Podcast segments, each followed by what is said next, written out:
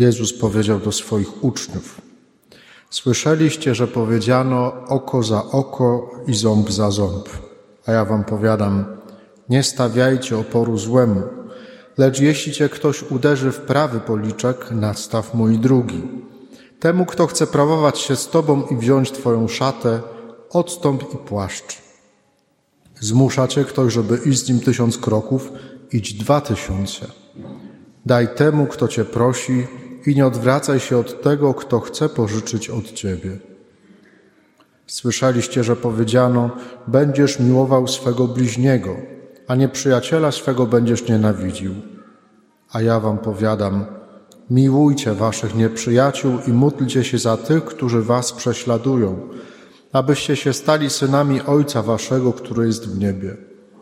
Ponieważ On sprawia, że słońce Jego wschodzi nad złymi i nad dobrymi, i On zsyła deszcz na sprawiedliwych i niesprawiedliwych.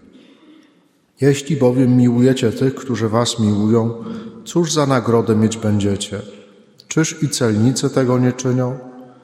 I jeśli pozdrawiacie tylko swych braci, cóż szczególnego czynicie?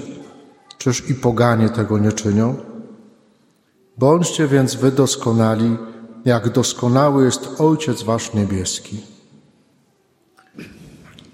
Ostatnią niedzielę przed tegorocznym Wielkim Postem e, kończymy lekturę piątego rozdziału Ewangelii według świętego Mateusza, czyli pierwszej części kazania na górze, tej części, w której Pan Jezus ustanawia nowe prawo. Trzy tygodnie temu słuchaliśmy, wtedy kiedy był ksiądz Marcin Paś, słuchaliśmy ośmiu błogosławieństw. W zeszłym tygodniu i dzisiaj, to jest jakby druga część tej, tego rozdziału, e, Pan Jezus reinterpretuje e, prawa i zwyczaje Starego Testamentu. Najważniejsze, i to jest, y, żebyśmy o tym też pamiętali, że te najważniejsze przepisy Starego Testamentu nadal nas obowiązują. Pan Jezus powiedział, że ani jedna jota, ani jedna kreska z tego prawa no, nie zostanie zapomniana. Natomiast Pan Jezus je reinterpretuje, nadaje, jakby buduje na, nich, na ich podstawie nową jakość. To nowe prawo, które Pan Jezus y, nam przynosi, które ogłasza, nie ma znieść Starego Testamentu, ale ma go, jak on mówi, wypełnić. Zło, które y, y, Stary Testament nazywał po imieniu i piętnował, przed którym miał chronić, nadal pozostaje złem. Kradzież nadal pozostaje kradzieżą, zabójstwo nadal pozostaje zabójstwem, cudzołóstwo, zdrada, oszczerstwo nadal nimi pozostają. Kiedy jednak słuchamy Pana Jezusa, szczególnie tego, tego dzisiejszego fragmentu, to może w nas się zrodzić takie myślenie, że Pan Jezus mówi rzeczy, które są kompletnie jakby nieprzystające do codzienności, że są na swój sposób, że to jest jakieś szaleństwo, to co Pan Jezus nam nakazuje. Nasza natura bowiem, nasze instynkty, tak jesteśmy stworzeni, każą nam, kiedy jesteśmy atakowani, y, bronić się. Jeżeli tylko mamy do tego siłę, a jeżeli widzimy, że przeciwnik jest, jest większy, to nasze instynkty mówią uciekaj. A Pan Jezus mówi dzisiaj, nie stawiajcie oporu złemu. Lecz jeśli cię kto uderzy w prawy policzek, nadstaw mój drugi. Jeśli kto chce wziąć twoją szatę, twoją tunikę, to oddaj mu i płaszcz. Jeżeli ktoś chce iść z tobą tysiąc kroków, to idź jeszcze drugi tysiąc. To y, uderzenie w prawy policzek, jeżeli chcemy kogoś spoliczkować, uderzyć go w jego prawy policzek, no to musimy go uderzyć, jak to mówimy, na odlew, czyli zewnętrzną stroną y, dłoni. A dla Żydów w tamtych, w tamtych czasach, słuchajcie, to była jedna z najgorszych obelg. To było coś na równi z tym, gdy, gdy się kogoś opluło to za to można było do, do sądu pociągnąć, że ktoś mnie spoliczkował właśnie zewnętrzną stronę dłoni. A Pan Jezus mówi, nadstaw jeszcze drugi. Te tysiąc kroków to chodziło o, o to, że rzymski żołnierz mógł obojętnie kogo z drogi wziąć, mówi, proszę nieść mój dobytek, tak, mój ekwipunek. A Pan Jezus mówi, więc okupant, tak, a Pan Jezus mówi, jak ci każe nieść tysiąc kroków, to jeszcze weź nieść drugi tysiąc. Więc to są rzeczy, które są, można powiedzieć, wydaje się, że są kompletnie wbrew naturze człowieka. A w końcu Pan Jezus mówi: miłujcie waszych nieprzyjaciół, módlcie się za nich. Fryderyk Nietzsche po przeczytaniu tych słów Jezusa miał stwierdzić, że chrześcijanie to słabi tchórze, którzy zamiast się bronić, zamiast walczyć o swoje, to pozwalają na zwycięstwo zła. Kluczem do właściwego zrozumienia całego tego piątego rozdziału Ewangelii Świętego Mateusza jest dzisiejsze ostatnie zdanie. Pan Jezus mówi na końcu: Bądźcie więc wy doskonali, jak doskonały jest Ojciec Wasz Niebieski. Celem Jezusa nie, była, nie, nie było to, żebyśmy byli doskonali, doskonali moralnie czy intelektualnie. On nie chciał stworzyć jakiegoś systemu filozoficznego czy etycznego. Nie był mędrcem, jakimś kolejnym Konfucjuszem czy Buddą, który miał pokazać, jak, jak się wydoskonalić w byciu człowiekiem. Celem Jezusa, i to o tym mówi w tym ostatnim zdaniu dzisiaj Pan Jezus, jego celem jest nasze to jest bardzo rzadko używane, e, szczególnie w Kościele Zachodnim słowo, prawosławnym ono jest bliższe. Celem Jezusa jest nasze przebóstwienie. Co to znaczy przebóstwić? Święty Augustyn ujął to w takich słowach. Powiedział tak, że Bóg stał się człowiekiem, aby człowiek stał się Bogiem. Bóg stał się człowiekiem, aby człowiek stał się Bogiem. Nauczanie Jezusa, Jego cuda, całe Jego dzieło, cała Jego działalność, przede wszystkim z Jego męką, śmiercią i zmartwychwstaniem, to wszystko ma być dla nas pomocne w naszym przebóstwieniu, czyli w naszym upodobnieniu się do Pana Boga. To jest cel bycia chrześcijaninem. Próbując jakoś te wszystkie myśli poskładać sobie e, w głowie, przyszedł mi na myśl taki obraz malarza, który pracuje nad swoim dziełem. I chciałbym, żeby to był taki obraz, który pomoże nam zrozumieć tak naprawdę o co chodzi w tym, jak święty Augustyn mówi, że mamy być przebóstwieni. Jak Pan Jezus mówi, że mamy być doskonali jak Jego Ojciec w niebie, to chciałbym, żeby ten obraz malarza pomógł nam jakoś to odnieść do naszego życia. Kiedy artysta, malarz zaczyna pracę nad obrazem, to najpierw przygotowuje blejtram, czyli no inaczej krosna malarskie, czyli tą ramkę drewnianą, na którym rozpina płótno. Płótno musi być odpowiednio naprężone, aby z jednej strony można było na nim spokojnie malować, ale z drugiej strony nie może być naprężone za mocno, żeby się nie porwało, żeby się nie rozeszły te włókna tego płótna. Trzeba to płótno zagruntować i przygotować w ten sposób do przyjęcia farby. I choć Bladeram ma już kształt obrazu i rozumiemy, że bez niego obraz raczej nie powstanie, to doskonale rozumiemy także, że obrazem jeszcze nie jest, że to jest dopiero podkład pod obraz, ten przygotowany Run to dobry symbol prawa e, i przepisów Starego Testamentu. Tak jak gwózdki trzymają na tej ramce drewnianej naciągnięte płótno, powodując jego napięcie, tak i szczegółowe przepisy Starego Testamentu trzymają nasze życie ramy tego, co najważniejsze, ale jednocześnie wprowadzają też pewne napięcie. I czasami ktoś się wręcz oburza, mówi, te przepisy, ja nie potrafię czytać Starego Testamentu, bo to się wydaje po prostu takie okrutne te przepisy, bo tam jest rzeczywiście konkret. Tam jest bardzo mocno te, te, te prawa są sformułowane. I to wydaje się, no, no, że to jest, no, że to nas, to jest to napięcie właśnie. Można powiedzieć, że te przepisy Starego Testamentu to jest absolutne minimum moralnego życia człowieka. To jest taki rodzaj funkcjonowania ludzkiego, który, człowieka, który mówi: No przecież ja jestem dobrym człowiekiem.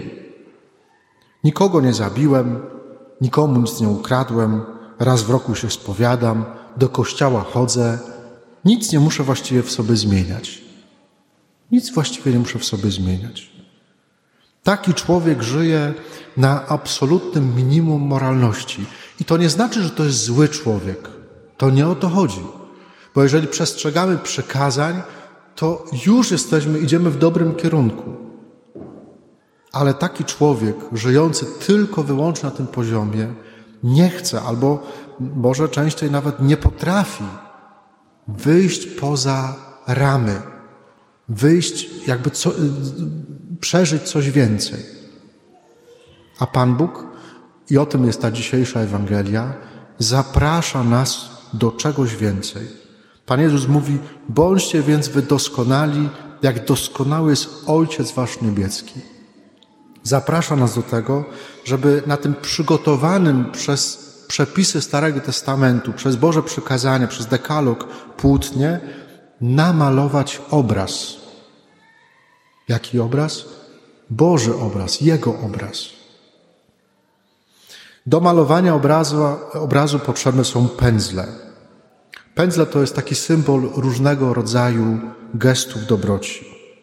Niektóre pociągnięcia pędzlem będą zamaszyste, wyraźne.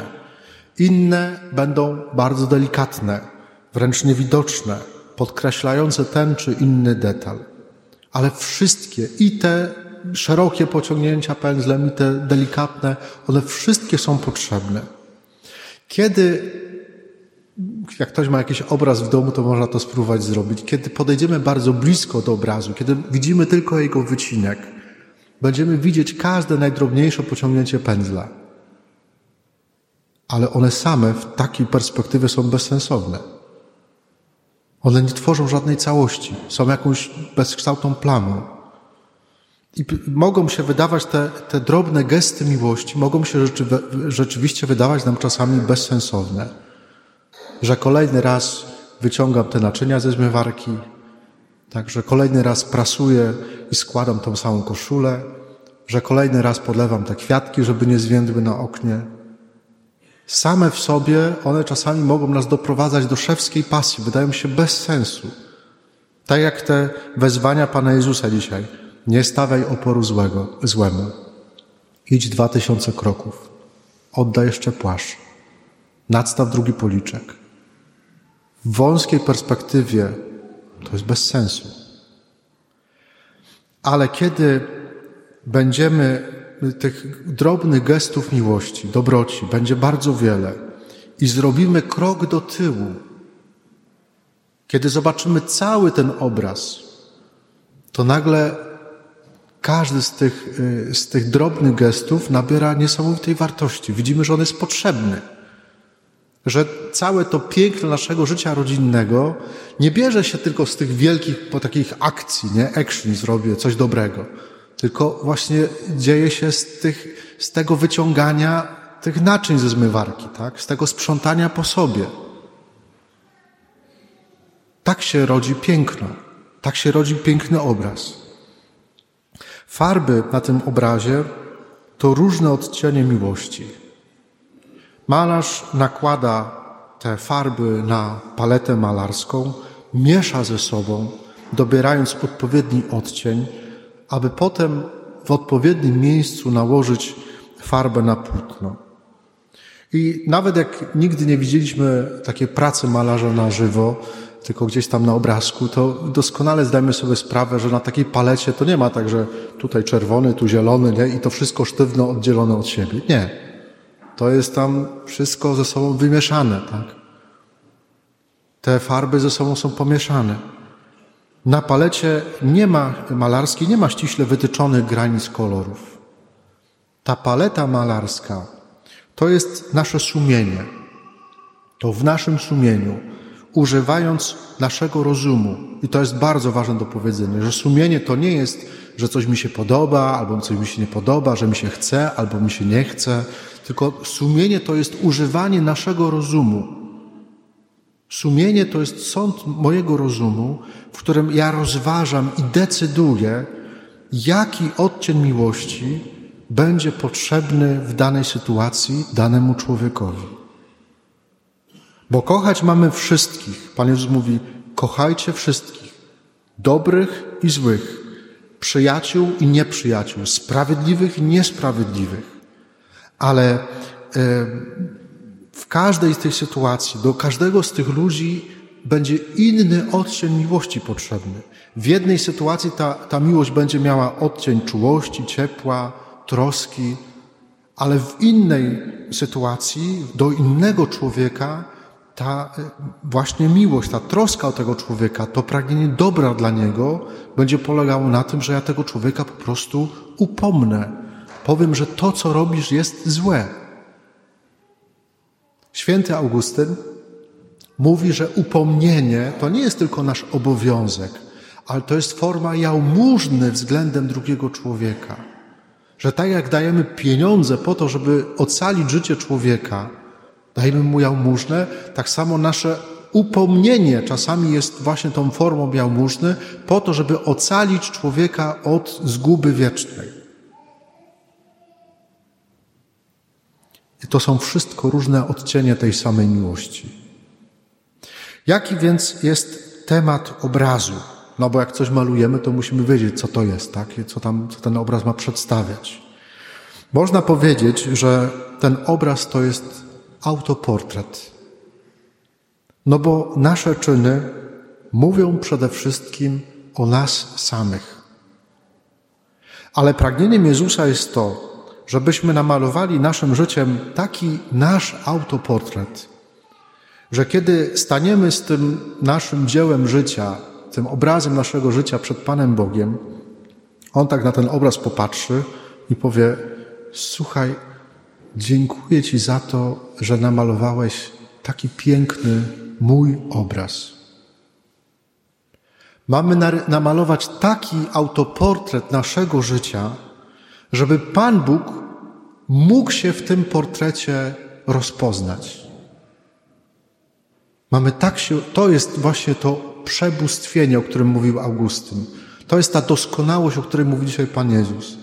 Być doskonałym, jak Ojciec Wasz jest niebieski, jest doskonały, to znaczy tak namalować swoje życie dobrem, miłością i tym wszystkim, co do tego potrzebne, żeby Bóg mógł się w tym życiu rozpoznać. Przed nami Wielki Post.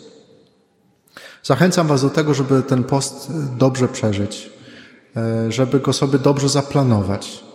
Ale można popatrzeć na niego właśnie e, w takim kluczu tego obrazu, tego przebóstwienia, że żeby zatrzymać się w tym wielkim poście, zrobić krok wstecz, do tyłu, popatrzeć z dystansem na to moje życie, na ten obraz, który maluję swoim życiem i siebie zapytać, kogo ten obraz właściwie przedstawia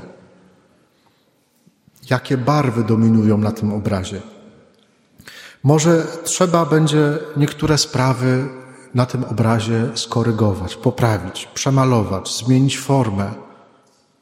A może trzeba będzie radykalnie zmyć stare farby i zacząć po prostu od nowa.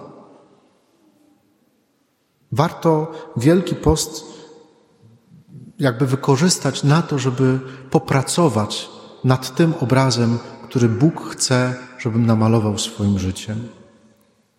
Pytanie na dziś, z którym zostawiam i, i każdego z Was, i, ale przede wszystkim samego siebie, to jest, jaki obraz maluje moim życiem.